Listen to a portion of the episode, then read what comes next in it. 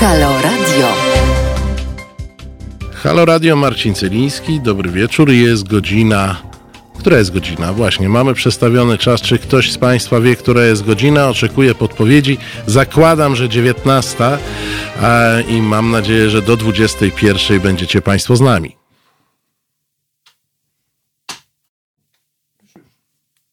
E, tak właśnie, ta zmiana czasu na wszystkich nas wpływa. E, w zasadzie to, nie wiem, od lat dyskutujemy, czy ona ma być, czy ma E, nie być, a ona się od czasu do czasu pojawia i ku naszemu zaskoczeniu jest. Więc witam Państwa w nowych czasach. Witam wszystkich halosłuchaczy, e, wszystkie halosłuchaczki, wszystkich halosłuchaczy. Lubuskie bardzo pozdrawiam i e, wszystkich na czacie, których, których widzę. Jak Państwo wiecie, e, naszym gościem pierwszej godziny będzie profesor Stanisław Obirek. Właśnie pracujemy nad tym, żeby się z nim połączyć i za chwilę zapewne to nastąpi, a rozmawiać będziemy między innymi, między innymi e, o jego, e, o jego książce, a w zasadzie o e, rozmowie, takim wywiadzie rzece, którą przeprowadził Artur Nowak z panem profesorem. Pan Waldi pisze, podobno przychody kościołowi spadły, a o tym w drugiej godzinie coś powiem, bo kościół już nawet mm, w ramach swoich działań korporacyjnych, w ramach swoich działań korporacyjnych zareagował na kryzys, na kryzys. Na pewno o tym powiem w drugiej godzinie. Mam takie e, newsy do, do przekazania. Mam nadzieję, że Państwo są zdrowi. Mam nadzieję, że Państwo zachowują zasady mm, higieny które są konieczne, e, które są koniecznie w dobie koronawirusa i mam nadzieję, e, że Państwo nie korzystają z dobrodziejstw e, dobrej pogody, która kusi, żeby E, wyjść. Ja to obserwowałem wczoraj, trochę obserwowałem dzisiaj. E, to nie jest rozsądne, żeby mm, zbierać się na świeżym e, powietrzu. Dbajmy o siebie. Ale jest już nasz gość, profesor Stanisław Obirek. Halo, słyszymy się? Tak, słyszymy się. Kłaniam się panie profesorze. Bardzo się cieszę, że mimo o, o, trudnej sytuacji dotrzymujemy obietnicy danej swego czasu e, słuchaczom Haloradia, że raz w miesiącu się e, spotkamy. Jak zdrowie panie profesorze? No, przede wszystkim raz dane słowo trzeba dotrzymać, więc dotrzymujemy. Zdrowie też dzięki Bogu, a raczej dzięki aresztowi domowemu jest dobre nie wystawiam się na niebezpieczeństwa żadne, więc jest wszystko dobrze. A bardzo się cieszę, że bo to, to jest takie pierwsze chyba w tej chwili zupełnie innego e, znaczenia nabrało to takie pytanie, które było do tej pory grzecznościowe, a w tej chwili jest takie na czasie jak zdrowie. Ja tylko powiem pani Ewce, e, pies ma swoje prawa, zgadza się i z psem należy wychodzić. Natomiast dobrze jest ograniczyć takie wyjścia, jak ja sobie oglądałem, że tam panowie z piwkiem gdzieś się zebrali e, i to wcale nie byli panowie tacy, którzy zazwyczaj piją piwko na świeżym powietrzu, tylko tacy, co pewnie siedzieliby w jakimś dobrym lokalu, ale tego lokalu nie ma, a oni się zebrali, żeby to piwko wypić. Ale zostawmy e, tematy, e, zostawmy tematy mm, na chwilę przynajmniej mm, te bieżące. Panie profesorze, przeczytałem, e, przeczytałem e, wywiad rzekę, jakiego udzielił pan Arturowi e, Nowakowi. Bardzo dobra lektura. Mm, a chcę zacząć rozmowę z panem nie od tego, co zdominowało książkę, czyli nie od Kościoła, nie od Jana Pawła II, tylko od początku, żeby zaskoczyć pana profesora. Jest pan mm, przykładem człowieka, który nie jest piątym pokoleniem profesorskim w swojej rodzinie i nie odziedziczył pewnego statusu społecznego. Sam pan o sobie opowiada w tej książce, że jest pan człowiekiem z PGR-u. Tak. to prawda. A, czyli poniekąd zaprzeczeniem tego, co w Polsce się myśli o intelektualistach, że to są tacy, którzy się tam urodzili e, w domu pełnym książek i z rodzicami, którzy zgłębiali problemy wszechświata. A, proszę powiedzieć, jak to było? Ja pytam też ze swojej takiej ciekawości, jak to było wyjść e, z PGR-u do dużego świata, mówiąc takim dużym skrótem. Tak, to, to rzeczywiście jest chyba, no nie wiem czy nietypowe, bo y, śmiem twierdzić, że moje pokolenie, czyli y, ludzi urodzonych w połowie lat 50., ten awans społeczny był jednak raczej typowy. Ja jestem pierwszym w mojej rodzinie człowiekiem nie tylko, że z, nie z profesorskiej rodziny, ale przede mną nikt nie miał wyższego wykształcenia w, rodzinie, więc matura gdzieś tam się zdarzała, ale to też nie było e, powszechne. Raczej e, oboje rodzice mieli wykształcenie podstawowe i, i zawodowe. I ja no, zrobiłem maturę, zrobiłem studia i tak dalej, więc ale początki były chyba mało obiecujące, bo zgodnie zresztą z panującym obecnie stereotypem e, PGR-y to są nie tylko Polska B, ale to jest y, Polska e, B, Polski B. Czyli najgorsze, co się mogło komuś przytrafić, to urodzić się właśnie w PGR-ze, właściwie tak na dobrą sprawę, jak się kiedyś w literaturze mówiło, w chlewie, między Y, świniami, krowami, no, końmi i tak dalej. Nie, no to był, to, to był dom zaopatrzony w ogródek nawet, z tego co Tak, aż tak źle nie było rzeczywiście. Więc zaczynam od tego stereotypu, żeby powiedzieć, że jednak ten stereotyp jest szalenie krzywdzący i nieodpowiadający realiom, bo robotnicy pracujący w tymże PGR-ze mieli najpierw rzeczywiście baraki, ale gdzieś od lat 60. to były już bliźniaki, czyli domy, y, w których mieszkały dwie rodziny zupełnie niezależne od siebie, z ogródkami, z jakimś tam przychówkiem kur, y, świni nawet y, i tak dalej. Więc można powiedzieć, że to były takie mini gospodarstwa mm, plus cała infrastruktura dużego gospodarstwa, czyli PGR-u właśnie, i do infrastruktury należały również różne świetlice, e, domy zabaw e, dla dzieci, dla starszych, różnych grup wiekowych. Więc jak dzisiaj obserwuję, co e, rodzice majętni oferują dzieciom, jakim zapewniają czas pozaszkolny, to muszę powiedzieć, że to się działo u nas w Pegerze niejako z marszu. Y, mieliśmy różne szkoły tańca, śpiewu, y, no i dostępną bibliotekę. To nie była biblioteka. No właśnie, nawet, nawet dwie pan tam opowiada. Tak, były biblioteki, do których mieliśmy dostęp nieograniczony i kto chciał, pożyczał książki. Panie bibliotekarki były bardzo chętne, nawet doradzały czasem, czasem się dziwiły gustom tych małoletnich czytelników, jak to było w moim przypadku. No i co jeszcze może być zaskakujące chyba dla naszych młodszych słuchaczy, to to, że e, od małego, czyli niemalże od półtora roku życia, bo miałem e, starsze rodzeństwo, o trzy lata brata i rok siostry, oni jakby w wieku przedszkolnym poszli do przedszkola, no a ja przed przedszkolnym trafiłem jako taki szkrab, który zaledwie chodził do przedszkola prowadzonego, y, proszę zważyć, przez y, siostry Felicjanki. Y, więc to jest kolejny paradoks, że... PGR-owskie, przy, przy PGR-owskie przedszkole wręcz, tak? Tak.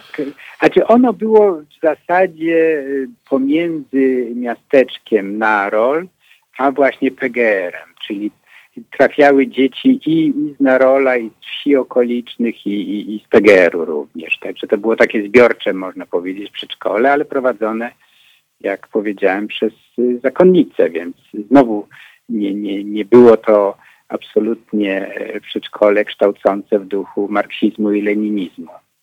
Ale mm, sam pan opowiada, że mm, pańska e, religijność, to znaczy także, także ta z domu wyniesiona, nie prowadziła pana w tamtym okresie bezpośrednio, nie wiem, do, czy stanu kapłańskiego, czy zakonu. No, owszem, było przedszkole prowadzone przez siostry, gdzie do, dowiadywaliście się e, o, e, o, o religii, o, o, jej zasadach i jakby byliście formowani na pewno e, w kierunku mm, takim religijnym, ale jednocześnie nie, nie, to nie było takie przesądzone, bo taki stereotyp jest taki, że ktoś zostaje ministrantem, a potem zostaje księdzem albo zakonnikiem, a u pana to się tak nie potoczyło.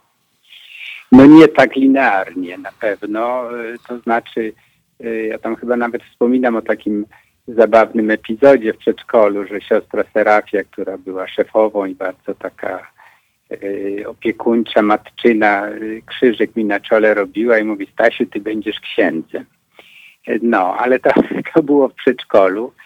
Natomiast później y, ta socjalizacja była oczywiście do kościoła, bo wszyscy, oboje rodzice byli bardzo religijni, zwłaszcza ojciec, więc to jakby był, była część e, praktyk religijnych, że się chodziło do kościoła, komunia, bierzmowanie, to wszystko było jakby wpisane w ten e, proces socjalizacji kościelnej, ale jednocześnie no, siłą rzeczy szkoła była laicka, nie była w żaden sposób e, poddana indoktrynacji katolickiej.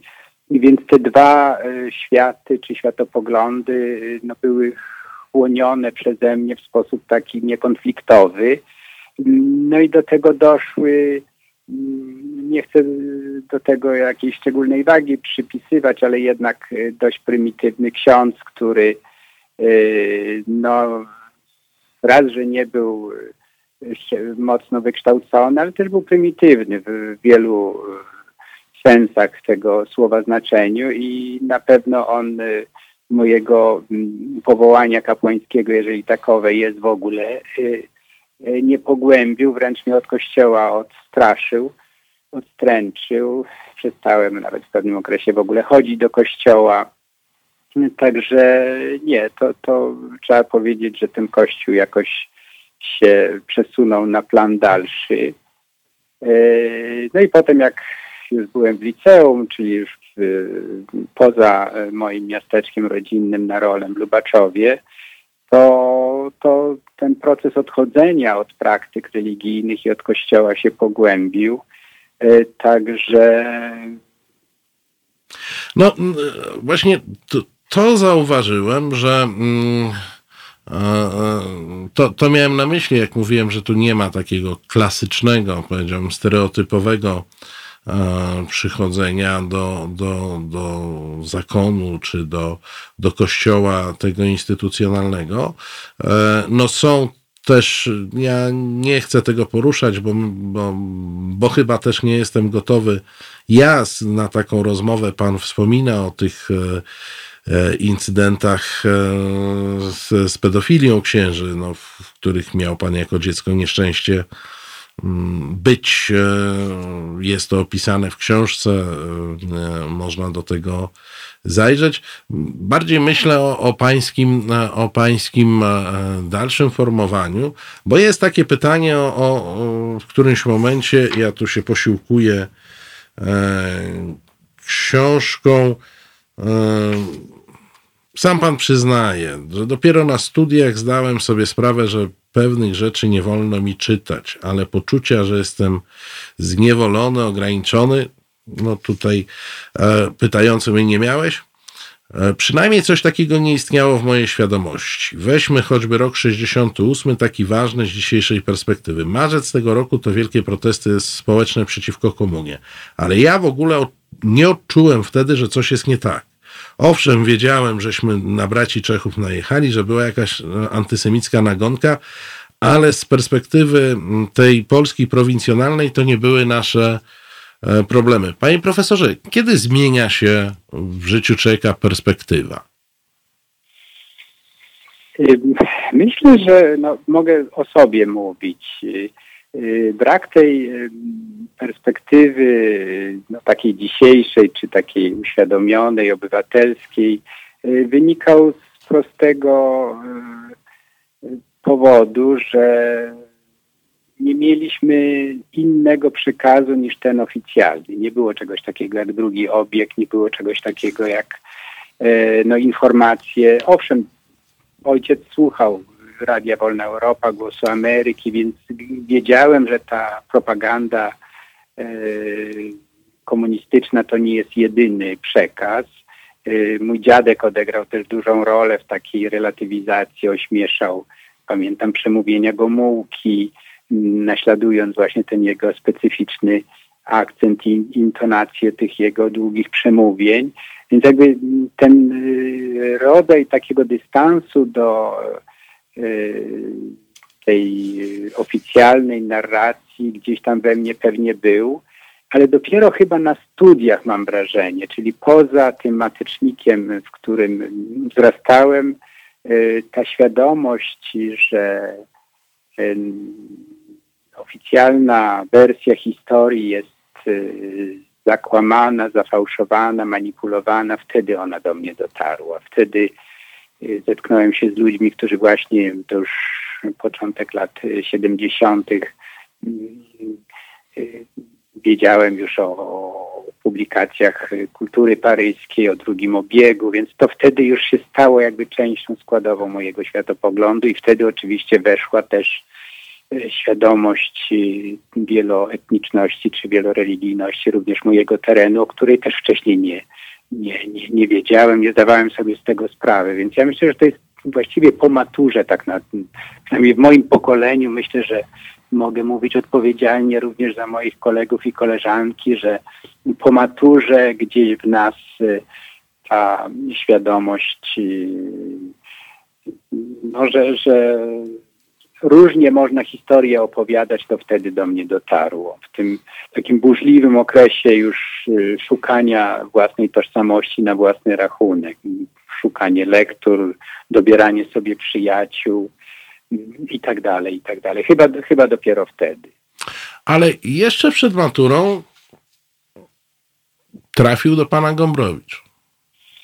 No to była, to był łód szczęścia rzeczywiście. Miałem koleżankę, która której wujek był, chyba jest jeszcze do dzisiaj e, aktorem Teatru Stu, takiego nowatorskiego, bardzo awangardowego teatru w Krakowie i wtedy w maturalnej klasie, a może nawet w trzeciej klasie ona zaprosiła mnie na taki wypad do Krakowa, właśnie do jej wujka. I wtedy Franek Muła, on się nazywał, mm, widziałem u niego całą półkę właśnie Gombrowicza i Marysia y, poprosiła wujka, czy by nam nie pożyczył na mm, tego Gombrowicza. No i tak ja, ja się z Gombrowiczem zapoznałem, czyli to był zupełny przypadek, można powiedzieć. No ale jak to bywa z przypadkami, mają niekiedy takie niezwykłe formacyjne znaczenie i tak było w moim wypadku, że on mi dostarczył takiej innej, innego języka, żeby mówić o tym, co, co przeżywałem tak trochę chaotycznie, nieświadomie. E, dzięki Gombrowiczowi znalazłem ten język taki trochę prześmiewczy. No, mówi, mówi pan tutaj, dzięki Gombrowiczowi, a zwłaszcza jego dziennikom, mój świat się scalił. Mogłem spojrzeć zarówno na Kościół, jak i na państwo w pewnym e, sensie z góry. E, no, biorąc pod uwagę dalszy pański życiorys, to powiem uczciwie, nie wpadłbym na to, że Gombrowicz i jego sposób patrzenia może kogoś zaprowadzić do zakonu. tak, tak. Rzeczywiście jest y, może nie, mm, y, nie, nie, nie zetknąłem się w każdym razie w, w zestawie lektur, jakie się ofiaruje potencjalnym kandydatom do zakonu czy do, do seminarium, żeby ofiarowano. Ja, ja też nie, ale obstawiam, że Gombrowicza w nich nie ma. Wie pan, ja oczywiście to już jest perspektywa no, wielu dziesiątków lat, y, ale myślę, że paradoksalnie to potem potwierdził jeden z moich ulubionych profesorów na właśnie na Uniwersytecie Jagiellońskim, Jan Błoński, który szukał sakrum y, w takich nieoczywistych przestrzeniach, to znaczy właśnie u, u Gombrowicza, u Mrożka, u Witkacego, Leśmiana i tak dalej. I można powiedzieć, że ja dlatego tak e, chłonąłem e, te wykłady Błońskiego między innymi dlatego, że to przeżyłem. To znaczy, że sakrum, czyli to, to nie oznacza katolicyzm czy chrześcijaństwo, po prostu coś, co, co się e, co przekracza tu i teraz. W tym sensie może być Gombrowicz też e, jakimś, e, jeśli nie bezpośrednim powodem, to, to jakąś okazją do tego, żeby myśleć o czymś innym niż tylko normalna ścieżka zawodowa.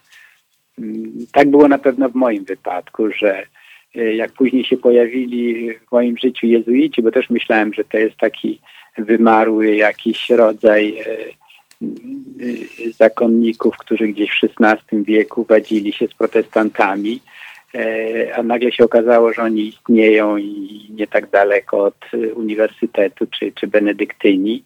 Więc to było, myślę, takie zaskakujące połączenie tych ekstrawaganckich y, lektur, które no nijak się miały do, do programu obowiązującego i, i z mojej perspektywy, jeśli zderzyć kościół ten narolski czy lubaczowski intelektualistami, jakich spotkałem właśnie w Tyńcu, najpierw potem na Przegorzałach, no to mi się trochę e, e, i Gombrowicz i, i, właśnie ten mój bunt przeciwko Kościołowi jednak ułożył w jakąś całość, że to, to był bunt przeciwko właśnie księdzu X czy, czy Y, a nie, a nie przeciwko Panu Jezusowi. Tak bym to górnolotnie określił.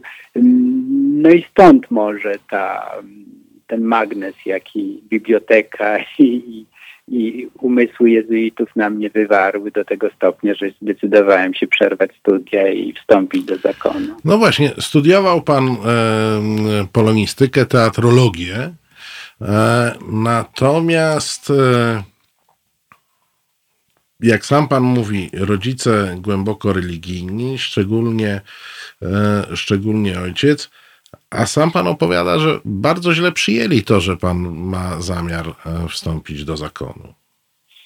No wie pan, ja się im nie dziwię, że oni to źle przyjęli, bo to była, no tak jak dla mnie, no jednak jakoś tam czytającego człowieka, to, była zupeł, to było zupełnie zaskoczenie, że w ogóle tacy jezuici istnieją. E, więc po pierwsze to była zupełnie nie, nie, nie, nieznana forma życia. No co to są ci jezuici? Natomiast e, żeby e, przybliżyć naszym słuchaczom dramat moich rodziców, to muszę powiedzieć o, o, o tym klerze narolskim, bo to obaj księża wikarzy, bo chyba proboszcz już był na tyle stary, że się nie wtrącał w jakieś tam e, uświadamianie e, swoich parafian w o jakichś niebezpieczeństwach. W każdym razie pamiętam, jeden z księży mówił, że Obierkowa, jezuici to, to jest takie KGB, oni na, donoszą na siebie, tam Stasiowi będzie bardzo źle, będą wszystko... Ten proboszcz nie był przypadkiem ateistą, bo ja znam mnóstwo ateistów, którzy tak mówią o jezuitach. Nie, ja myślę, że on to mówił Chcąc go zrozumieć, myślę, że trochę mówił to tak z, z zazdrości, że no tutaj mu się wymknął taki kandydat na, na, na księdza. Mógłby być przecież porządnym księdzem decyzjalnym. Jego akcje by poszły na pewno w górę, że ma powołanie ze swojej parafii, a tu nagle do jezuitów. No i jezuici wśród księży decyzjalnych do dzisiaj nie mają dobrej, e, dobrych notowań. Yy, więc on to prawdopodobnie z zupełną szczerym przekonaniem mówił, że to był zły wybór i że Stasiu będzie nieszczęśliwy.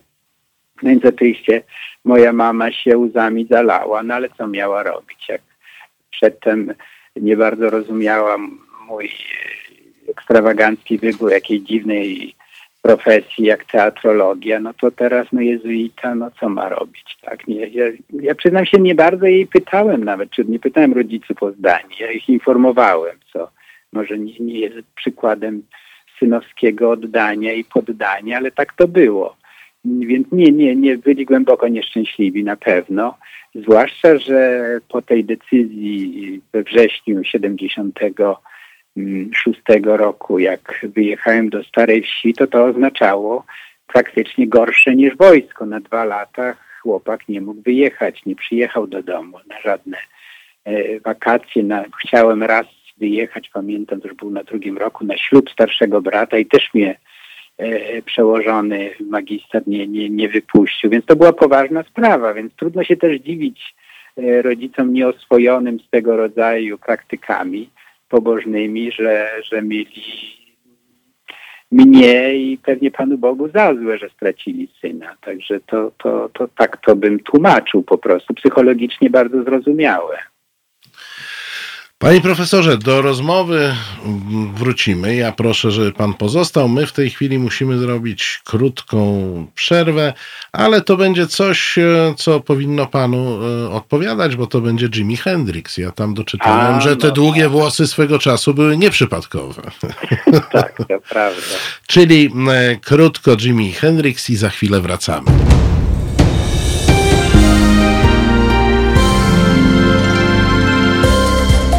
Halo Radio. Pierwsze medium obywatelskie.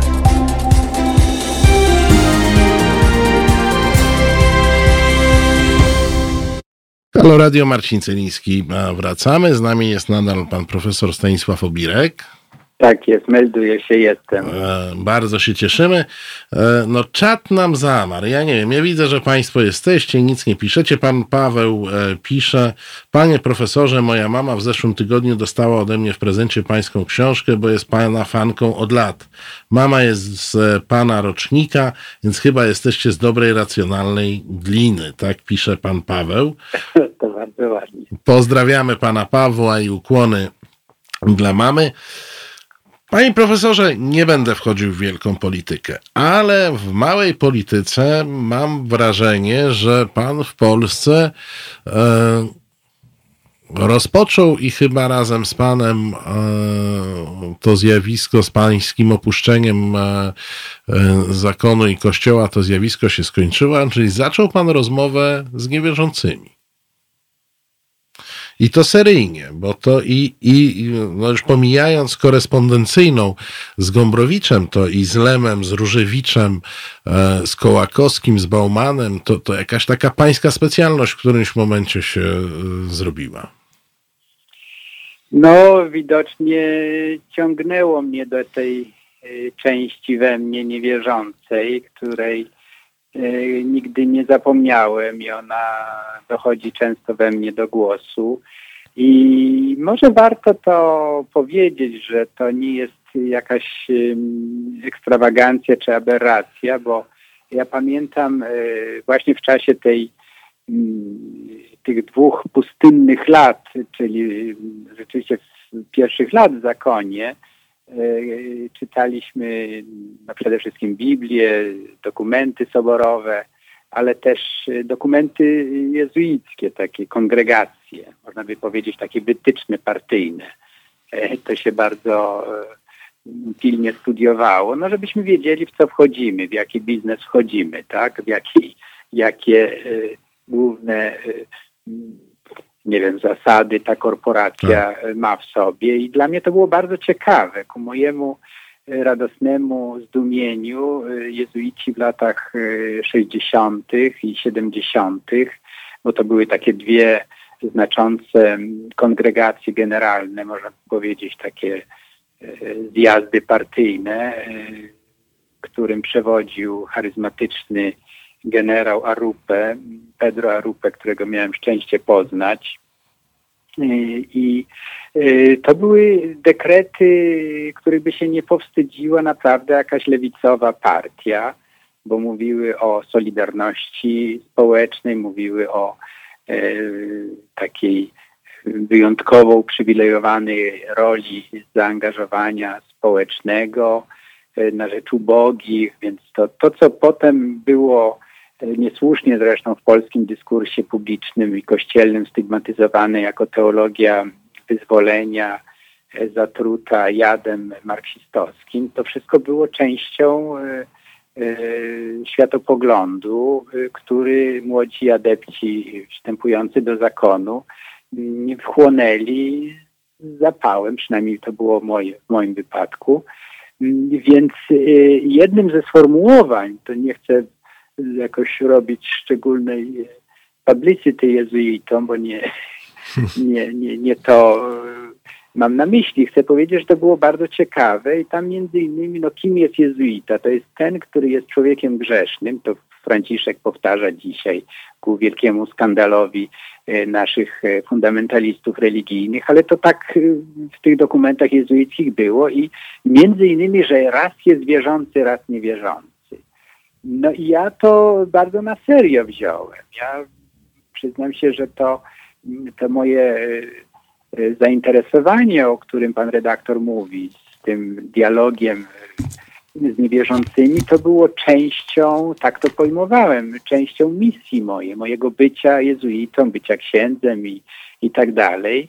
I znowu to nie było bardzo oryginalne w tym sensie, że nie ja to zacząłem. To zaczął w Mediolanie we Włoszech e, też jezuita, zresztą kardynał Carlo Maria Martini, który utworzył taką katedrę dla niewierzących, gdzie niewierzący na równych prawach z niewierzącymi, z wierzącymi e, wygłaszali e, no, wykłady po prostu, czy jest taka słynna książeczka, już nie mówię słynna, bo ona na polski została przełożona na wiele różnych języków, właśnie w co wierzy ten, kto nie wierzy. No właśnie, to, to, to był taki cykl w kwartalniku. Tak, to były takie właśnie wymiana listów między Martinim i Ecco, który jasno się deklarował, zresztą on pierwszy zaczął nawet ten, tę wymianę, pisze do, do Martiniego, nie tam jego e, eminencjo, tylko ka, drogi Carlo, drogi Martini i mówi, wybacz mi, że ja się do ciebie tak zwracam, ale yy, chcę porozmawiać jak z człowiekiem, a nie jako z urzędnikiem i ten to przyjął. No i mnie się wydawało, że to jest tak y, dobre, tak ciekawe, że, że trzeba to zaproponować również polskiemu czytelnikowi i stąd te moje mm, zainteresowania właśnie y, ateistami jak Stanisław Lem, czy Zygmunt Bauman, czy Leszek Kołakowski, czy no wielu innych. Tam potem to zostało też jakby utrwalone w piśmie, najpierw w takim kwartalniku, który wtedy redagowałem. Zresztą pewnie podświadomie też y, po to, żeby między innymi takie fanaberie uprawiać, y, a co było zgodne znowu, jak mówię, z ówczesną polityką władz zakonnych na świecie i w Polsce też to się jakoś y, przyjęło. E, potem książkę żeśmy wydali i ja byłem przekonany, że to jest takie poletko doświadczalne, które stanie się takim rozległym e, polem e, wymiany między wierzącymi i niewierzącymi w Polsce.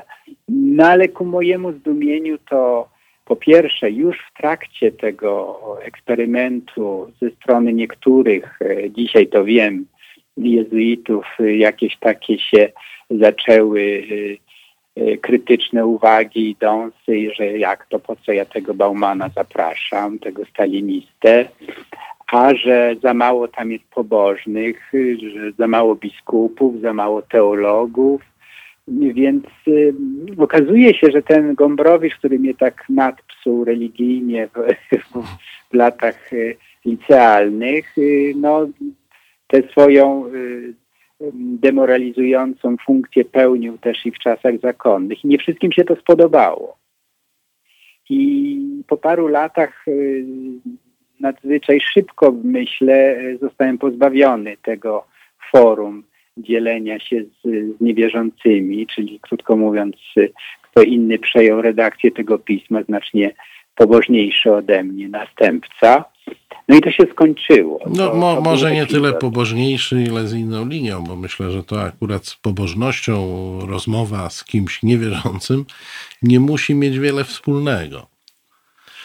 No, ja rozumiałem to, że to jest ciekawe, o wiele głębsze niż powtarzanie tych samych mantr znanych powszechnie, że Jan Paweł II wielkim jest, albo że e, ojciec Ignacy więcej zbawił ludzi swoją książeczką ćwiczeń duchownych niż liter tam jest i tak dalej. To ja oczywiście znałem tę retorykę wewnątrz zakonną, ale ona dla mnie była śmieszna, więc tym bardziej dla kogoś spoza zakonu, więc nawet nie, nie, nie próbowałem tych, tych, e, tego arsenału tradycyjnej pobożności używać.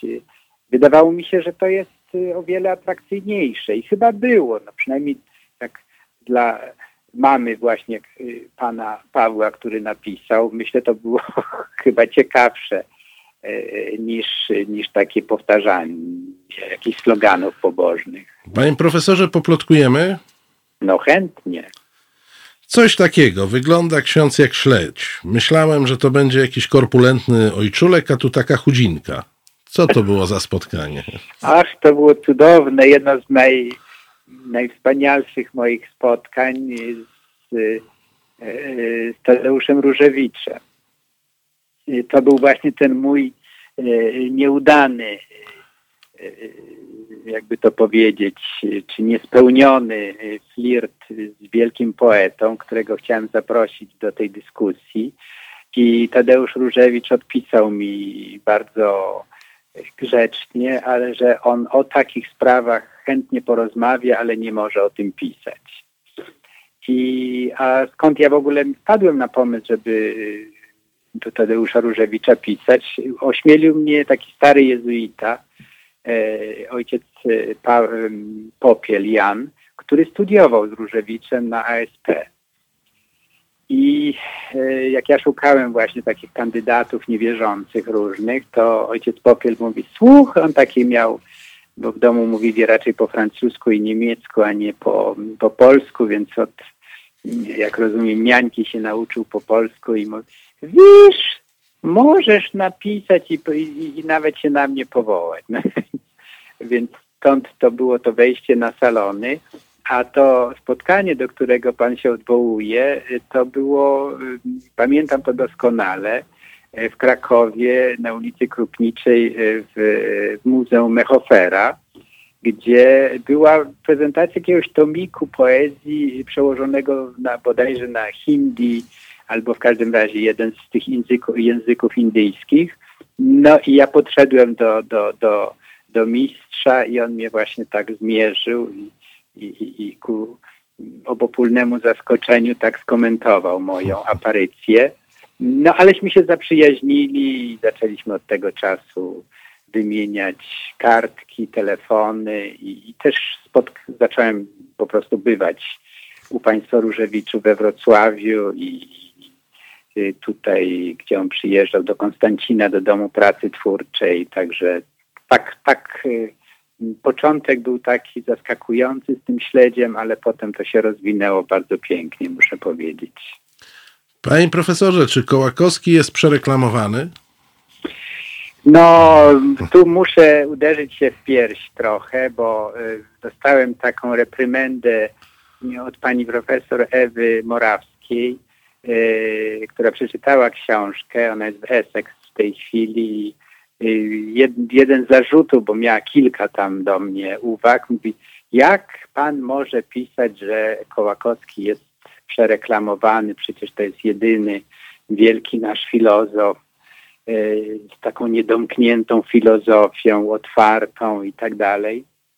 No więc muszę powiedzieć, że trochę się uderzyłem w piersi, I powiem to, co, co pani Morawskiej odpowiedziałem, że y, moje takie trochę aroganckie, może impertynenckie stwierdzenia są kontekstowe. Ja myślę, że Kołakowski y, zasługuje na więcej. On po prostu został zawłaszczony, myślę, przez niektóre środowiska. Myślę tutaj o, o znaku, o no trochę tych otwartych katolików, tak, tak to nazwijmy. I, I, ta kontekstowość wynika z tego, że on był tym największym filozofem, no teraz Znak wydał zresztą taki potężny tom chrześcijaństwo, jego tekstów e, i na temat chrześcijaństwa i w ogóle religii. Więc mam wrażenie, że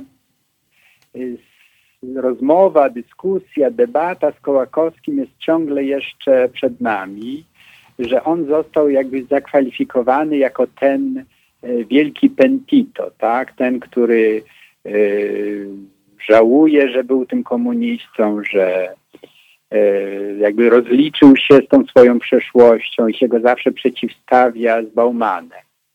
Ja y, wobec tego trochę protestuję. No, Uważam, w tej, że... w tej książce, o której mówię, w tym wywiadzie z panem, no to ta, to zestawienie także jest obecne i, e, i ja czuję, że to raczej w e, kontekście niedocenienia Baumana e, padło to zdanie.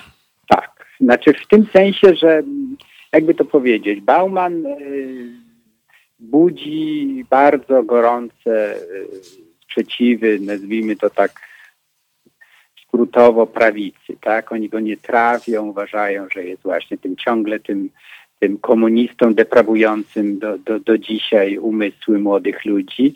Natomiast Kołakowski jest właśnie tym, który się nawrócił. I mi się wydaje i w jednym i w drugim przypadku to są wierutne bzdury, bo ani jeden nie przestał mieć serca po lewej stronie, ani na drugi to w ogóle zawsze był lewicowy do końca. Więc y, to jest trochę taki, taki, taki skrót, żeby, żeby tak y, no, zacząć rozmowę o tym, czy, czy te trzy tomy Kołakowskiego, one rzeczywiście definitywnie stanowią taki e, rozrachunek i odrzucenie y, marksizmu, leninizmu, czy jest to właśnie taka krytyka, dzięki której możemy na nowo E, przyjrzeć się temu, co Marks zrobił ważnego. To znaczy krytycznie e, spojrzał na XIX-wieczną e, chrześcijańską nominalnie Europę. Więc wydaje mi się, że, że Kołakowski został, chyba trochę się też pozwolił, mam wrażenie, użyć jako ten, ten maczuga na, na, na teologię wyzwolenia, na, na lewit, no, no w ogóle na, na, na, na wszystko, co złe, no to, no to on dzięki swoim takim e, ciągotkom konserwatywnym, no, że też jest paradoks, jako człowiek niewierzący i nigdy nie ochrzczony, e, brakowało mu mszy po łacinie, tak? To też takie trochę dziwne dla mnie było. Ja zresztą się z nim spierałem trochę, e, chociaż bardzo go ceniłem zawsze i i on napisał, zresztą mój przyjaciel Bo Oppenheim z Los Angeles pomógł mi w tym. Leszek Kołakowski napisał bardzo piękny esej, wstęp do tej książki Dialog z niewierzącymi, co nas łączy z dialog z niewierzącymi, wiara dobra, niewiara dobra. Więc akurat ten tekst z 2002 roku Kołakowskiego jest, podpisuje się pod nim obydwiema rękoma, bo uważam, że, że tak to jest, że te dwa korpusy wiary i niewiary są nam potrzebne, jak mówi Kołakowski, do tego, do utrzymania żywotności kultury.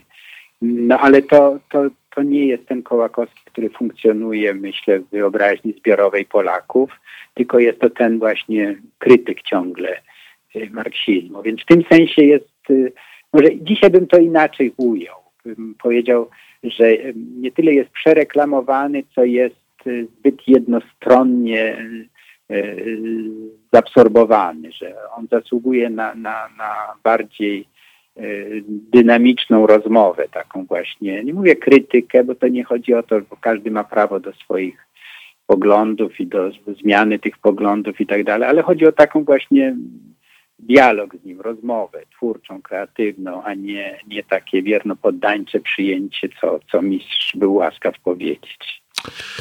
E, ale w tej antynomii, której tam żeśmy dotknęli, tym, tym jakimś porównaniu Baumana i Kołakowskiego, Bauman jest panu wyraźnie bliższy. Tak, to nie ukrywam, że, że Bauman to, to, jest, to jest moja bajka z wielu względów i może e, trochę przekornie powiem, że z Baumanem połączyła nas słabość już w ostatnich latach e, słabość do, do Franciszka. E, Bauman wyraźnie czuł miętę do argentyńskiego papieża, dawał temu wyraz wielokrotnie. To się mało do, w polskich mediach przebiło, ale e, we Włoszech e, miałem szczęście uczestniczyć w takim spotkaniu z Zygmuntem Baumanem we Florencji.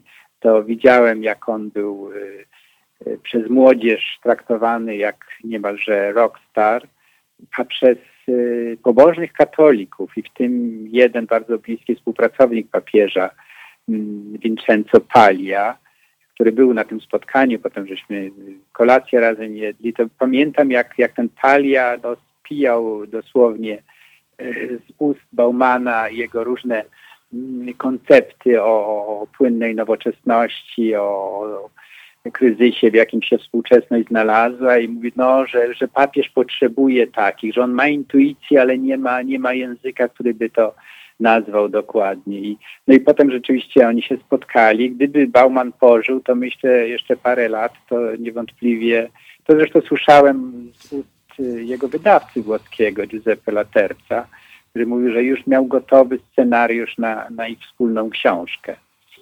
No tak się nie stało. No, to jest jeden jakby aspekt, czyli ta nasza wspólna słabość do, do tego papieża, ale o wiele głębsza racja jest taka, że dla mnie Bauman e, nie przestał być takim umysłem no niemalże sejsmograficznym. On, on, on yy, z wrażliwością no, papierka le, le, lakmusowego rzeczywiście rejestrował te nastroje społeczne i, i, i je bardzo ciekawie nazywał. Już pomijam to, że dzięki temu, dzięki jego zaproszeniu ta współpraca, która się skończyła z moim odejściem e, od zakonu, z zakonu w 2005 roku, potem nieoczekiwanie dla mnie i, i to sobie poczytuję za wielki jakiś e, e, dar ostatnich lat. Zygmunt, bo dość szybko przeszliśmy na ty, zaproponował mi wspólne pisanie książek, bo dwie wydaliśmy razem. Niebawem ukaże się zresztą w wydawnictwie arbitror. E, myślę, że nie zdradzę tutaj tajemnic wydawniczych. Wydało się, e, proszę Państwa.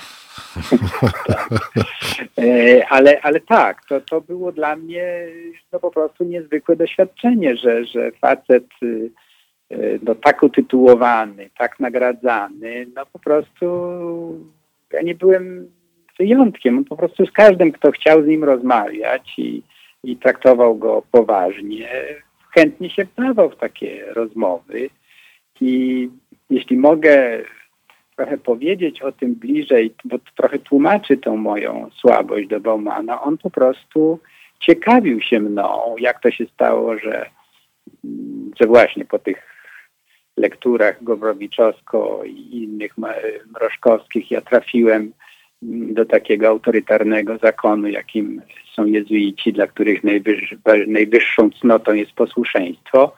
Jego to autentycznie intrygowało, a mnie ciekawiło, jak to się stało, że, że, że chłopak e, e, z takim doświadczeniem jak on, i przedwojennym, i wojennym, i powojennym, że on e, wszedł w komunizm jako, jako jego wybór.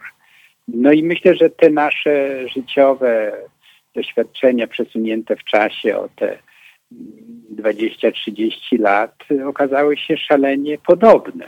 To znaczy, że e, organizacja dająca poczucie bezpieczeństwa, dająca jasne wytyczne, jak zbawić świat, no jest atrakcyjna dla dwudziestolatka, czy w moim przypadku i dwudziestoparolatka, jak w wypadku Baumana.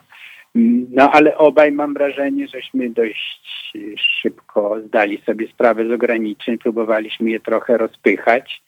Yy, jemu nie wyszło już w latach 60. z hukiem wyleciał i z partii, i z Polski niestety. No a ja aż taki huk to nie był ale chyba gdzieś tam podobne były powody rozstania się moje z zakonem czy z kościołem, który bardzo sobie poczyna podobnie do, do partii po prostu. I te podobieństwa naszych doświadczeń życiowych myślę też nas do siebie zbliżały. Ja wykorzystam tę okazję, bo pan profesor już, już ujawnił. Mm, wprawdzie mamy w tej chwili czas dosyć e, nadzwyczajny i wszelkie terminarze zachwiane, ale myślę, że tą jedyną e, książkę, wedle mojej wiedzy, która w języku polskim nie wyszła, a wyszła e, już w co najmniej kilku językach obcych, właśnie dialogu takiego pana profesora z profesorem Baumanem, no wydawnictwo Arbitror. W, nie później jak w czerwcu tego roku będziecie Państwo mieli okazję zapoznać się z tą książką. Ja mam jestem w tej dobrej sytuacji, że ja już czytałem i co mi zrobicie? No, nic nie zrobicie. E, panie, panie profesorze, tak na koniec, jak pan e, mówił o tym e, papieżu rozgniewanym proboszczu, to to był taki proboszcz z Narola? Yy, nie, aż tak nie. Ten Narolski to był jednak prymityw, natomiast ten rozgniewany proboszcz w Rzymie to był człowiek światły. Mówimy o Janie Pawle II, tak. jeśli ktoś z Państwa słuchaczy nie wie. Tak, to był Jan Paweł II, który był człowiekiem światłym. No ale ja jednak mam alergię do do autokratów, nawet jeśli są światli, a może szczególnie do światłych, bo zabrakło mi tej, tego marginesu wolności, którą da, daje choćby Gombrowicz właśnie. Zabrakło tego dystansu do siebie. No, mówiliśmy sporo o Kołakowskim, ja bym wrócił do tej jednego z jego najsłynniejszych bodajże esejów, Kapłan czy Błazen. Jan Paweł II chyba od y, przedszkola był kapłanem do końca. E, zabrakło mi trochę błazna w nim, w tym najgłębszym tego słowa znaczeniu raczej błazen jako ten mędrzec. Jako ref, refleksja, tak. E, który bierze trochę poprawkę na, na e, wielkich tego świata i, i często mm, brak tego błazeńskiego dystansu na dworach, zwłaszcza papieskich czy biskupich, no, owocuje dworską teologią. I jeśli mam coś za złe polskiemu papieżowi, to to, że za jego długiego pontyfikatu ta mm, dworska teologia się nadmiarę rozpanoszyła. Właściwie innej nie było. I to, to jest wielka, wielka jakaś taka strata, żal, że, że zubożył polski katolicyzm o ten wymiar właśnie no taki ludyczny, zabawowy, taki, taki pozwalający żyć y, ludziom, którzy nie zgadzają się ze mną. Tego, tego mi zabrakło. Stąd ten srogi, czy, czy taki surowy proboszcz mi wtedy w tym wywiadzie dla Lesuar wypchnął się, ale bym dzisiaj to powtórzył. Nie, nie, nie, nie zmieniam zdania na temat świętego Jana Pawła II Wielkiego, jak się go e, nadmiarę e, używa tego, tego słowa, bo myślę, że ten wielki jest na wyrost, bo zbyt dużo było ciemnych stron tego pontyfikatu, o których się nie mówiło i one w tej chwili dochodzą do głosu w sposób taki, jakby to powiedzieć, no jak, jak wszystko, co jest wyparte E, dochodzi do głosu z większą siłą gwałtowną czasem. I to jest też jeden z powodów, dlaczego mam duże wątpliwości co do wielkości Jana Pawła II. Panie profesorze, bardzo dziękuję. Ja dzisiaj z premedytacją trochę ominąłem Kościół Polski, bo rozmawialiśmy o tym ostatnim razem i pewnie będziemy mieli okazję nie, nie raz porozmawiać, a e, książka, e, książkę polecam. W niej jest e, w niej jest dużo, zaraz patrzę do której kamery, do tej powinienem pokazać do tej, tak? Albo przerzuć mi kamerę tak, żeby mnie było widać, proszę Państwa. E, to jest ta książka. Jak widzicie, ja mam taki zwyczaj sobie zakładać i kreślić. Są dwie szkoły na ten temat, czy wolno, czy nie wolno. Ja hołduję tej, że książkę należy kreślić, a mało tego na marginesach należy sobie pisać. E, różne rzeczy, które przychodzą do głowy w trakcie czytania. Na pewno, na pewno to jest fajna lektura. Ja dzisiaj skupiłem się trochę bardziej chyba na, mm, na życiu i na, na ścieżce życia niż na tym, co jest w tytule, czyli dlaczego odszedłem z kościoła, ale na ten temat na pewno jeszcze będziemy mieli okazję porozmawiać. Naszym gościem był profesor Stanisław Obirek. Bardzo dziękuję panie profesorze, także za mm, tą e, hard ducha i, i rozmowę z nami przez telefon przez taki długi czas. Bardzo dziękuję. To jest naprawdę przyjemne rozmawiać z panem redaktorem. Bardzo dziękuję. Bardzo dziękuję. Myślę, że najpóźniej mm, spotkamy się za miesiąc zgodnie z naszą umową, że ostatnia niedziela miesiąca to jest nasze e, spotkanie. My, proszę Państwa, w tej chwili chwilę się odprężymy. Zagra nam, kto nam zagra? Gary Moore nam zagra. Coś o bluesie, jak to Gary Moore, a my się będziemy słyszeć e, już tet a tet za chwilę.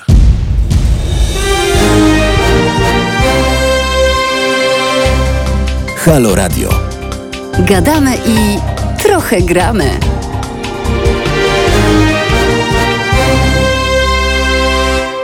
Halo Radio jest już po 20. Marcin Celiński. E, no może na czacie trochę Państwo się rozruszacie, jak o, niechcący mi wyszedł wiersz. To nie był wiersz Różewicza w żaden sposób. E, to była nieudana wypowiedź Celińskiego. E, bo rymowanie jest generalnie błędem językowym.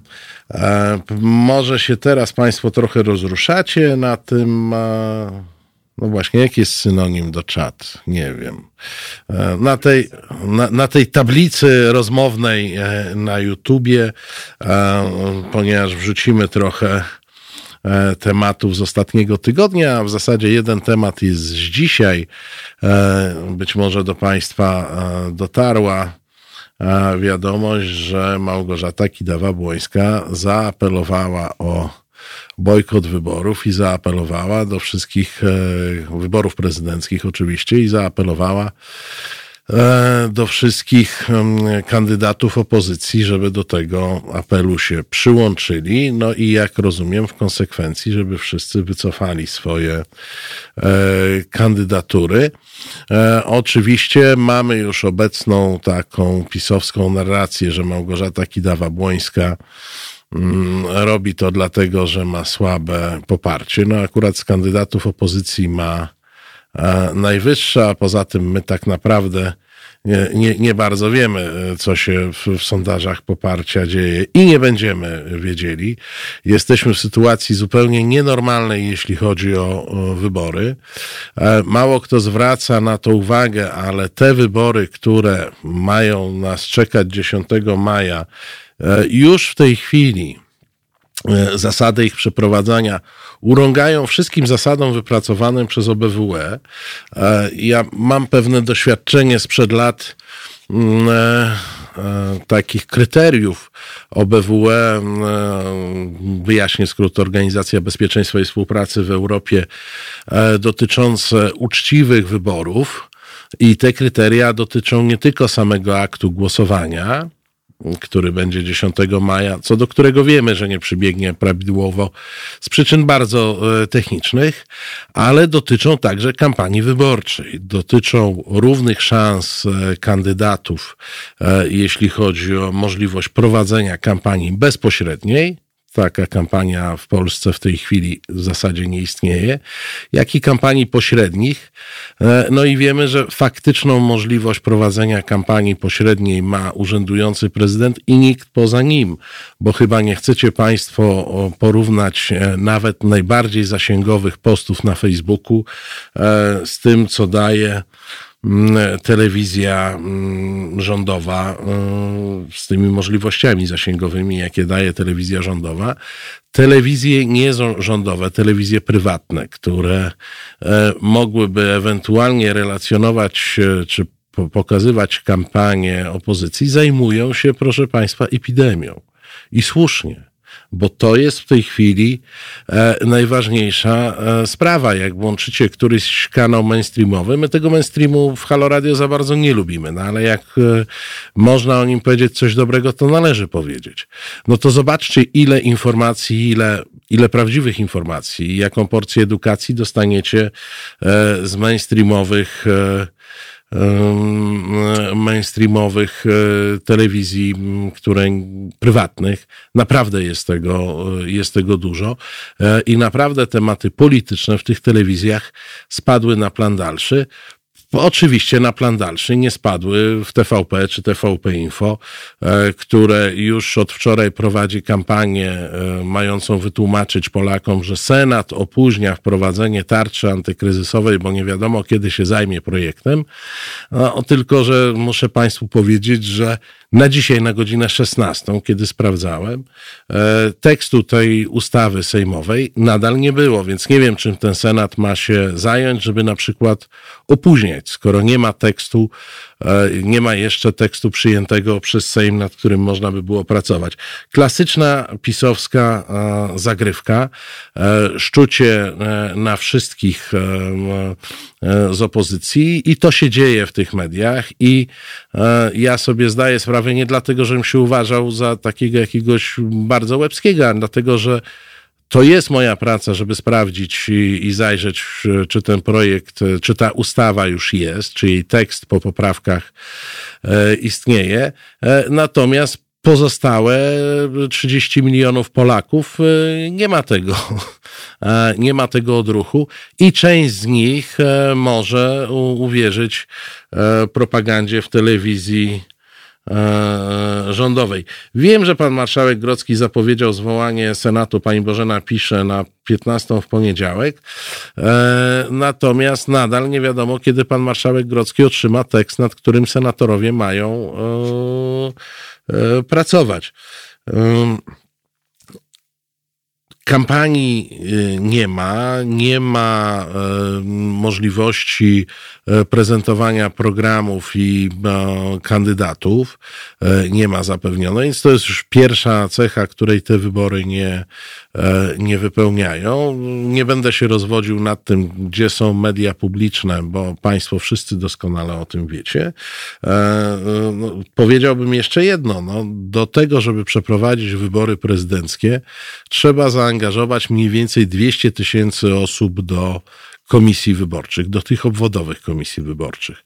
Czy naprawdę e, w pandemii e, oczekujemy e, od siebie tak naprawdę, że 200 tysięcy, 200 tysięcy ludzi spośród nas dojdzie do wniosku, że tak, tak właśnie chcieliby w niedzielę siedzieć za stołem, do którego podejdzie tysiąc, półtora tysiąca, w zależności od wielkości obwodu e, głosujących, z których każdy będzie podchodził wedle własnego pomysłu.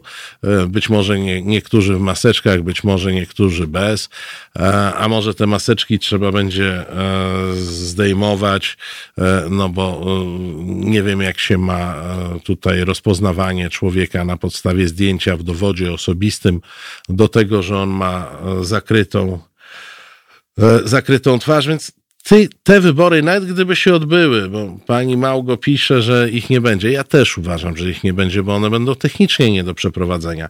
Ale e, istnieje pewien procent szansy, że oderwani e,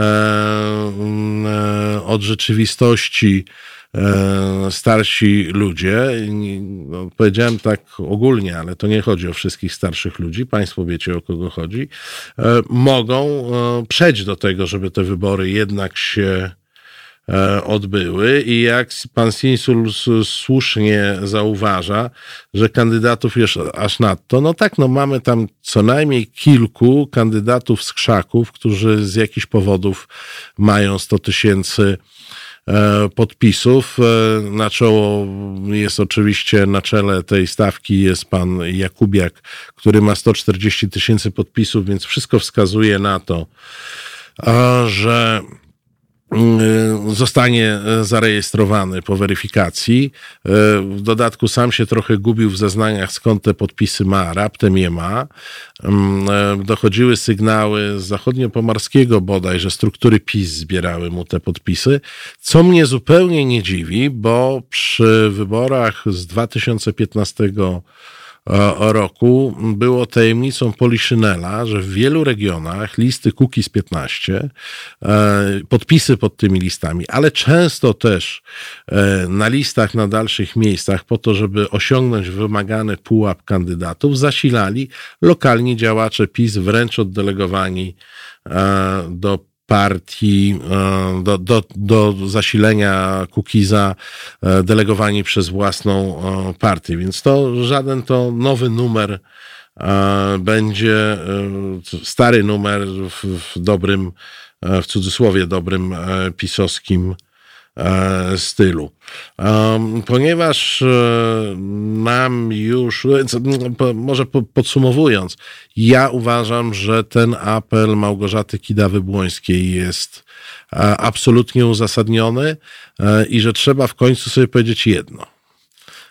Wybory, procedury wyborcze to rzecz bardzo ważna, ale my mamy w tej chwili w Polsce dużo większy problem od wyborów prezydenckich. Ten problem nazywa się na dzisiaj epidemia i to, że rząd Polski nie zapewnił i nie zapewni, bo oni mają w genach po prostu to, żeby nie zapewniać e, skutecznych środków e, walki medycznej z epidemią. Oni po prostu tego nie potrafią zrobić e, i to trzeba przyjąć do wiadomości.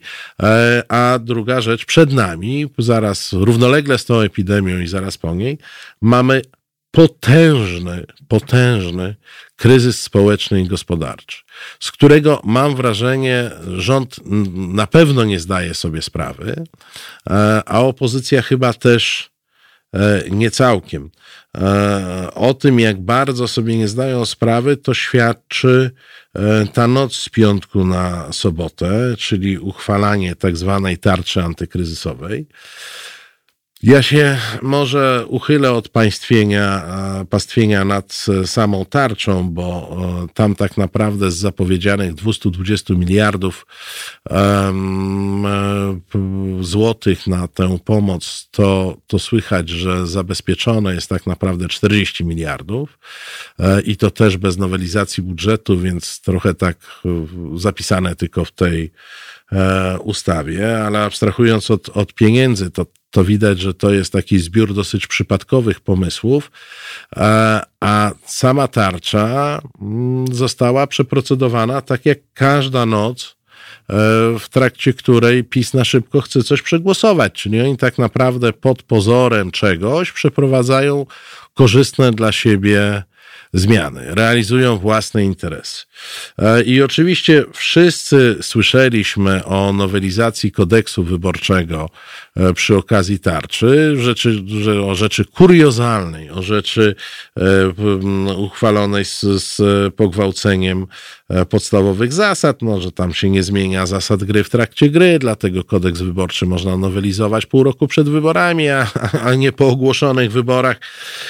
To o tym żeśmy usłyszeli wszyscy i, i o tym dyskutujemy zamiast, i tu nie pamiętam kto pisał, że to tu są różne ruchy przykrywające nieudolność tego rządu. Moim zdaniem tak, ta, ta nowelizacja kodeksu e, e, wyborczego ma, nas, ma nam odwrócić uwagę od tego, co, czego w tej tarczy nie ma tak naprawdę, bo tam wiele nie ma, ale na przykład PiS przepchnął jeszcze, e, proszę Państwa, zapis, wedle którego premier może odwoływać członków Rady Dialogu E, społecznego, decyzją własną.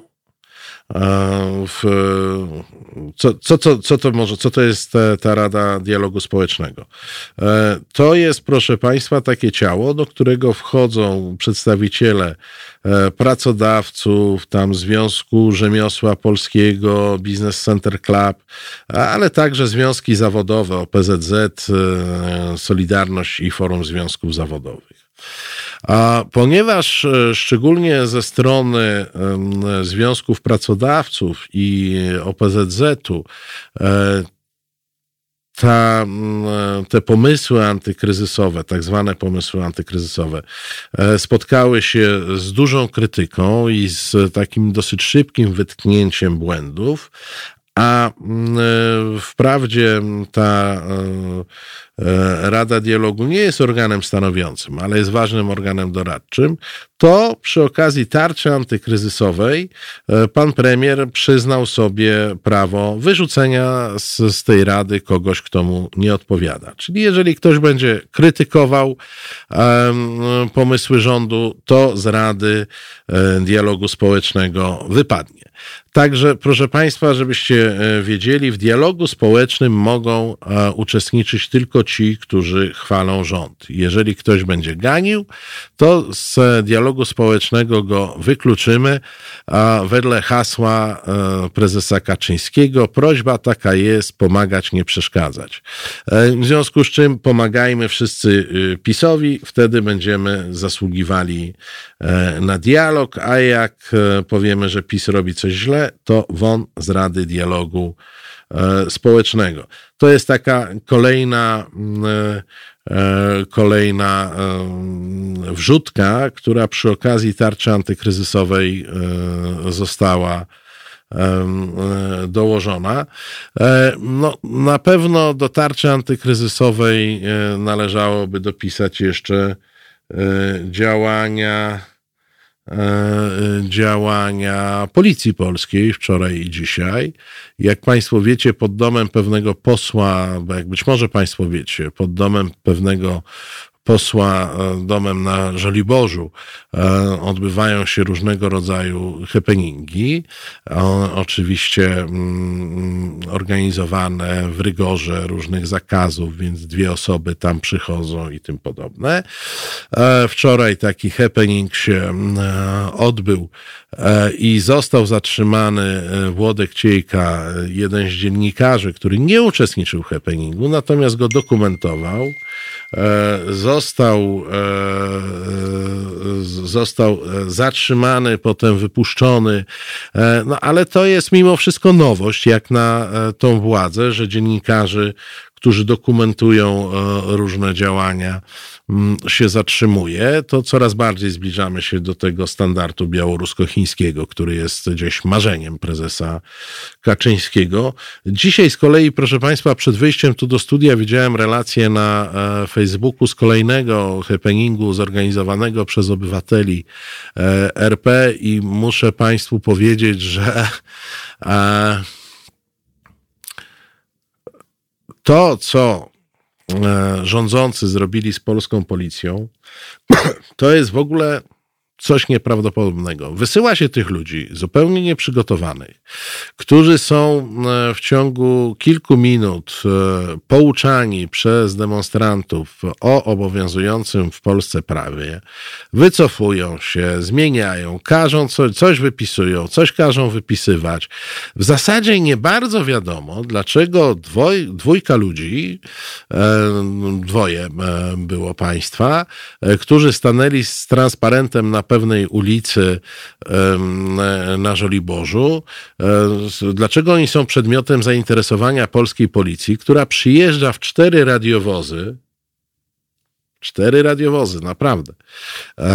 W cztery radiowozy i usiłuje właśnie nie bardzo wiadomo, co usiłuje. Najpierw usiłuje wylegitymować, potem usiłuje e, sporządzić jakiś protokół. Ten protokół jest bez daty, bez e, e, godziny. No, w ogóle nie, nie, nie wiadomo, co ci ludzie lo, robią. Oni są jak dzieci we mgle.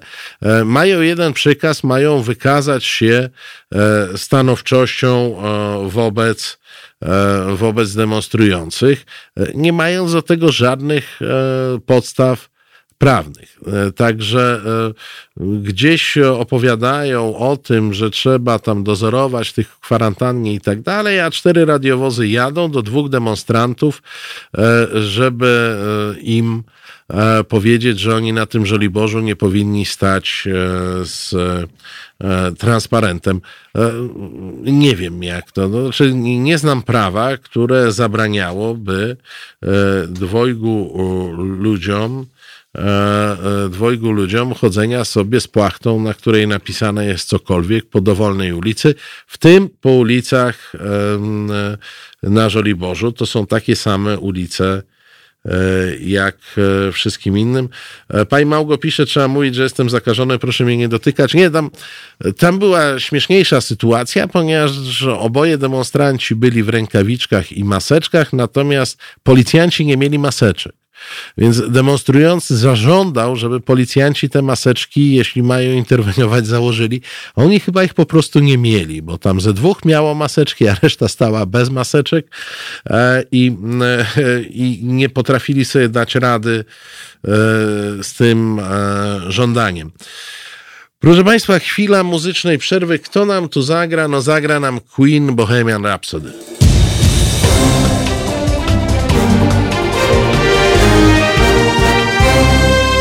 Halo Radio. Halo Radio, Marcin Celiński, wracamy. E, dziękuję za te życzenia. To faktycznie w, w, czwartek jakąś tam miałem kolejną, e, kolejne cyferki mi się e, przestawiły. E, piszą Państwo tak, pa, już patrzę. Kapitan Stratford chyba pisze, że już przeczytał Dudę i jego tajemnice i, e, i że pewnie Dudzie marzy się e, chiński obóz pracy. Znaczy, to, że ta ekipa ma ciągoty takie totalitarne, to jest oczywiste. I to, że im imponują e, kraje, które takie to, totalitarne czy autorytarne rozwiązania stosują, to też oczywiste. E, w przypadku głównego bohatera e, książki e, Tomka Piątka przy moim udziale mówimy tutaj raczej o człowieku, który naprawdę jest bardzo mało świadomy tego, co wokół niego się dzieje. Tak to przynajmniej wygląda z naszych ustaleń, który po prostu no, sam jest przedmiotem ciągłych działań działań autorytarnych, a on do jakiegoś autorytaryzmu chyba nie jest, e, e, nie jest możliwy. A propos tego e, chińskiego, chińskiego przykładu, no proszę Państwa, okazuje się, że Chiny przez co najmniej dwa tygodnie nie, nie informowały o epidemii karały lekarzy, którzy sygnalizowali, karały, Chińczycy karali dziennikarzy, którzy próbowali o tym pisać i ja Państwu tylko powiem tak e, bez związku.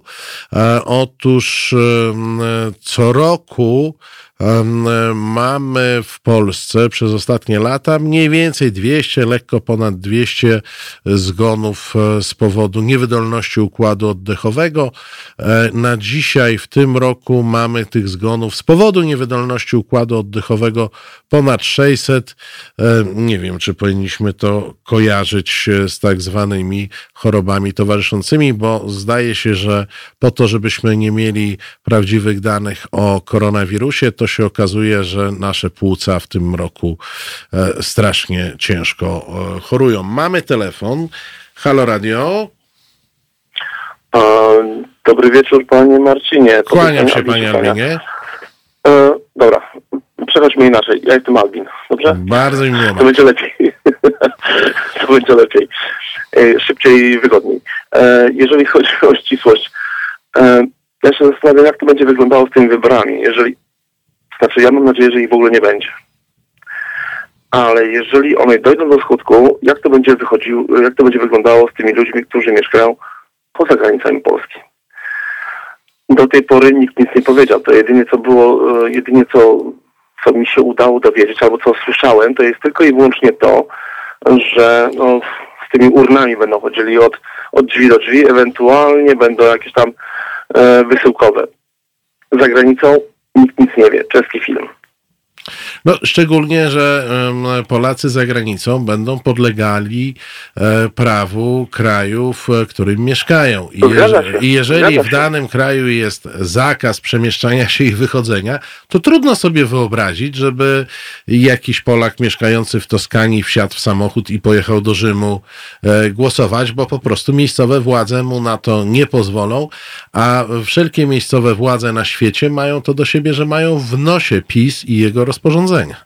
Zgadza się, ale teraz motyw tylko typu. Teraz ja jeszcze e, mieszkam w Wielkiej, to znaczy mieszkam w Wielkiej Brytanii, czy ogólnie w Bristolu.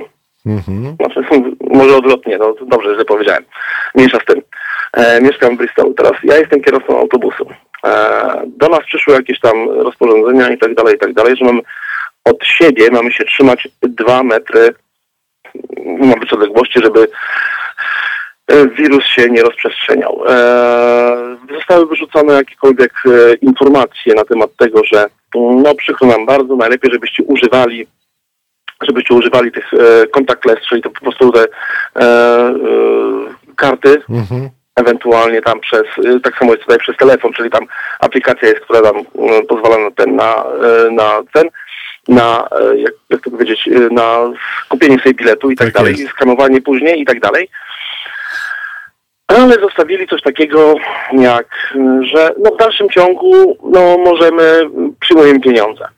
Szlak nie trafia, bo to już rozmawiałem z niejednym e, moim kolegą, e, z moimi kolegami, którymi pracuję e, tutaj w Bristolu e, i oni zastanawiamy się, jak to jest możliwe. Tutaj dwa metry, tutaj, a z drugiej strony możemy przyjmować pieniądze. Bo do jasnej cholery, coś tu się nie, nie zgadza.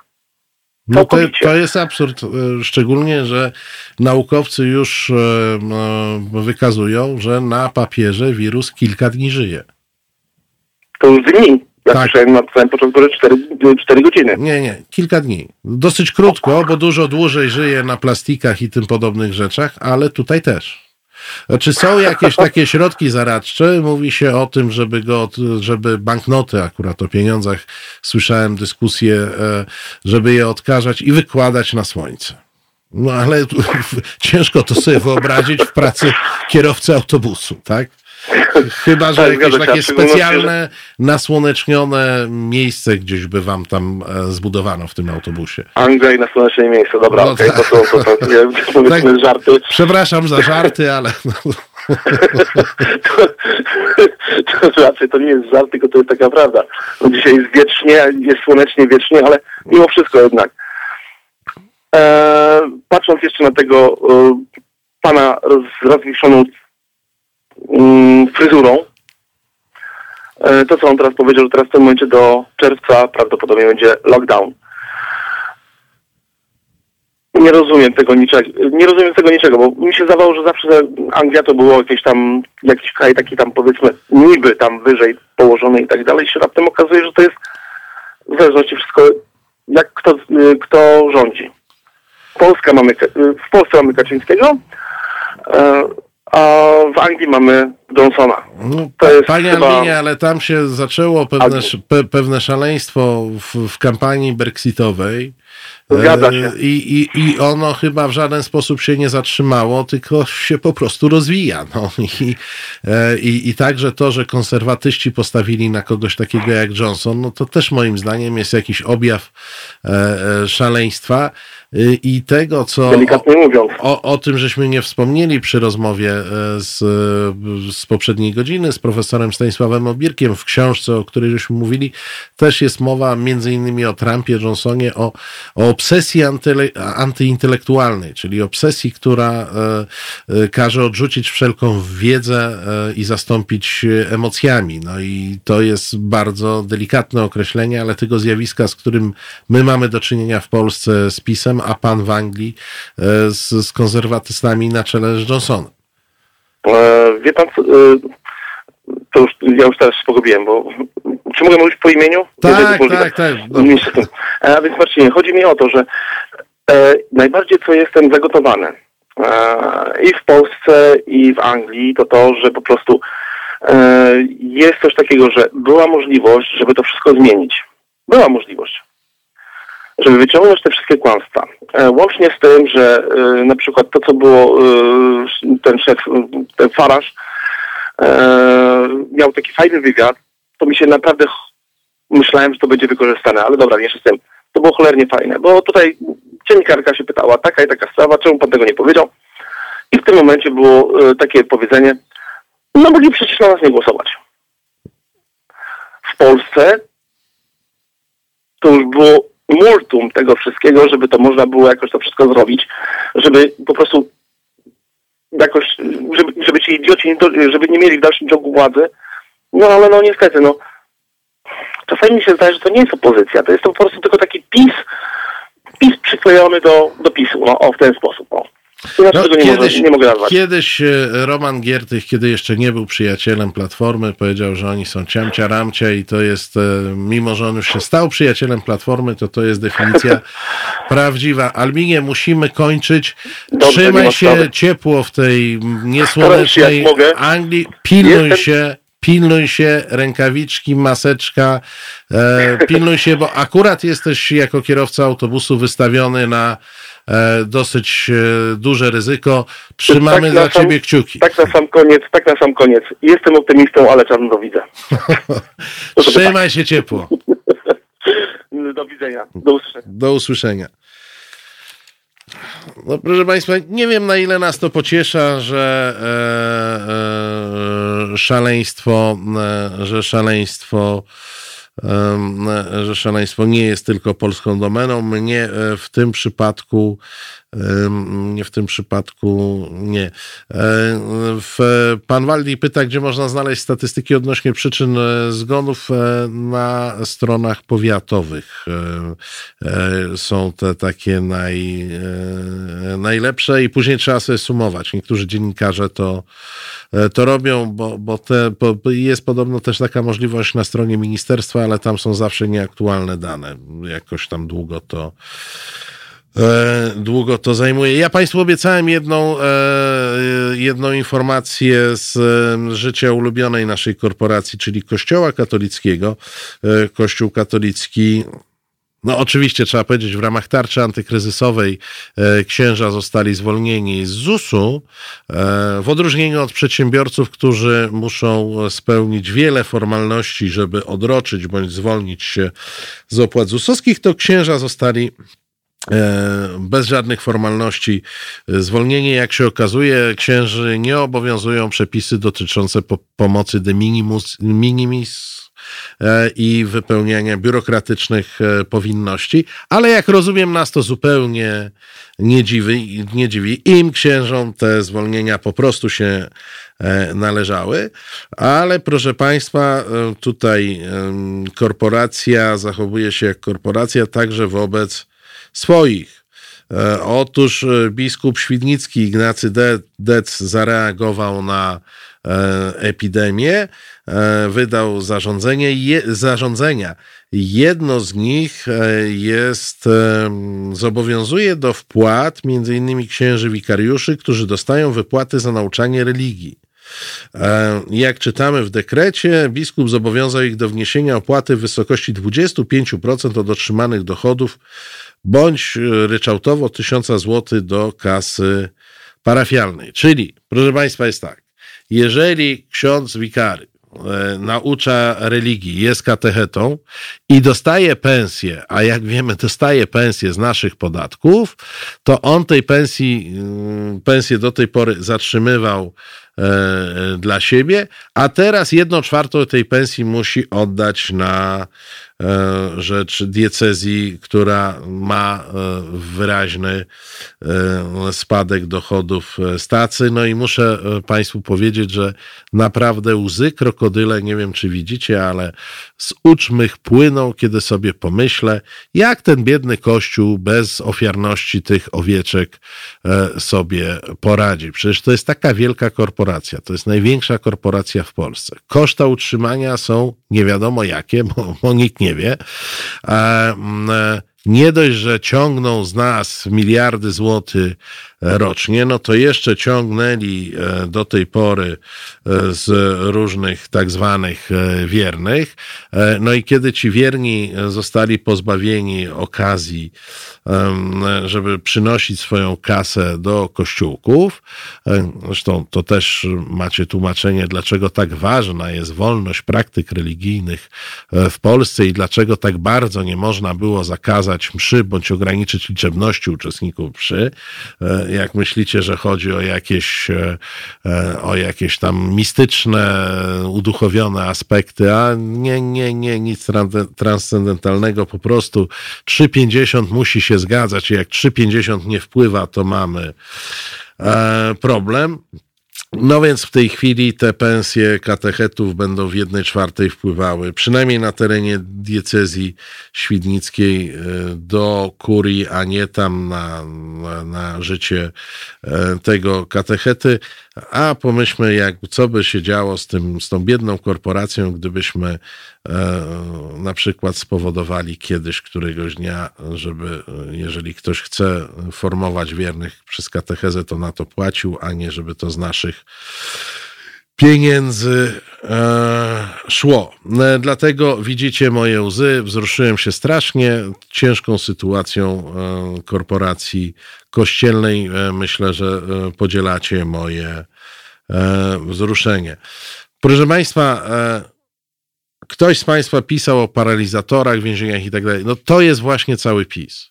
Ma być tarcza antykryzysowa, wychodzi z tego medialne no jesteśmy przed 23, to nie powiem co, e, ale tylko i wyłącznie informacja medialna i nazwa medialna, bo realnej pomocy na razie jest tam bardzo e, mało, ale przy okazji, tu sobie zmienimy prawo wyborcze. E, tutaj sobie wprowadzimy jednoosobowe decyzje premiera do Rady, do Rady Dialogu Społecznego tu sobie wrzucimy zaostrzenie, e, poszerzenie kompetencji Policji Służby Więziennej, a tutaj jeszcze podniesiemy rangę obrony terytorialnej, e, żeby mogła e, więcej. I wszystko po to, żeby partia miała obrońców wyposażonych w odpowiednie narzędzia. Ci ludzie, którzy nami rządzą, nie są zdolni z bardzo wielu przyczyn do tego, żeby zareagować na kryzys i wypracować projekty, które pomogą Polakom. Pierwsza przyczyna oczywista to jest taka, że to jest banda dyletantów. I oni tyle razy udowodnili nam swoją niekompetencję, że nie wiem ile razy jeszcze trzeba by było e, to sprawdzać. E, po drugie, to są ludzie, którzy działają w chaosie i chaos jest jedynym, e, jedyną metodą ich działania. Oni nigdy niczego nie zbudowali, oni nigdy niczego nie z, zorganizowali. To jest e, podejmowanie decyzji gdzieś tam e, między Nowogrodzką a tym czy innym ministrem, tym czy tamtym dyrektorem. I trzecie, najważniejsze, to są ludzie, którzy nie są w stanie ani przez moment pomyśleć o interesie Polaków jako interesie nadrzędnym wobec interesu ich partii i ich osobistym. Dlatego maseczki i różne inne rzeczy będą nam dostarczały firmy konsultingowe, które są własnością e, działaczy PiS. Dlatego przy okazji tarczy antykryzysowej będziemy mieli zmienianą e, ordynację wyborczą, e, żeby kandydat PiS e, czuł się pewniej w tych wyborach.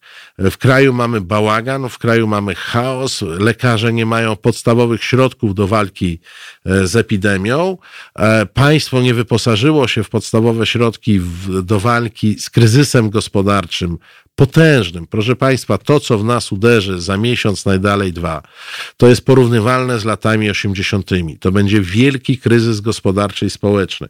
My mamy ostatnie chwile, żeby się na to przygotować. Nie jesteśmy przygotowani.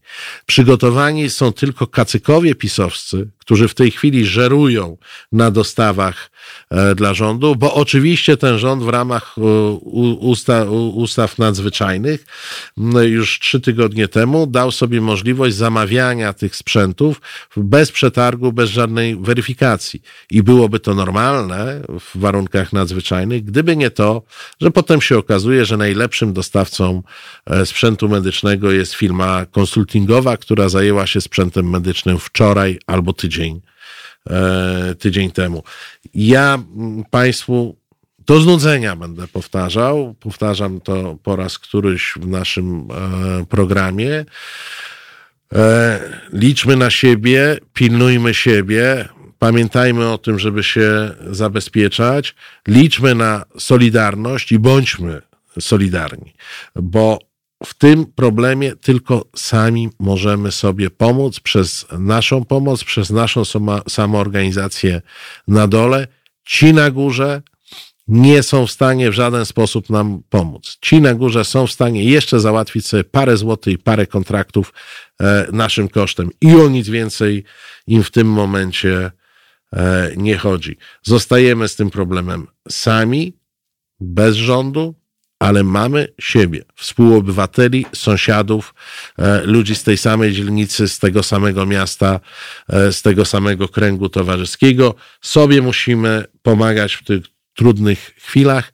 Ja się z Państwem słyszę za tydzień o godzinie 19 jak zwykle. Za chwilę po odkażeniu e, studio przejmie Konrad Szołajski i jego goście, a Państwu życzę dobrej nocy i pilnujcie się.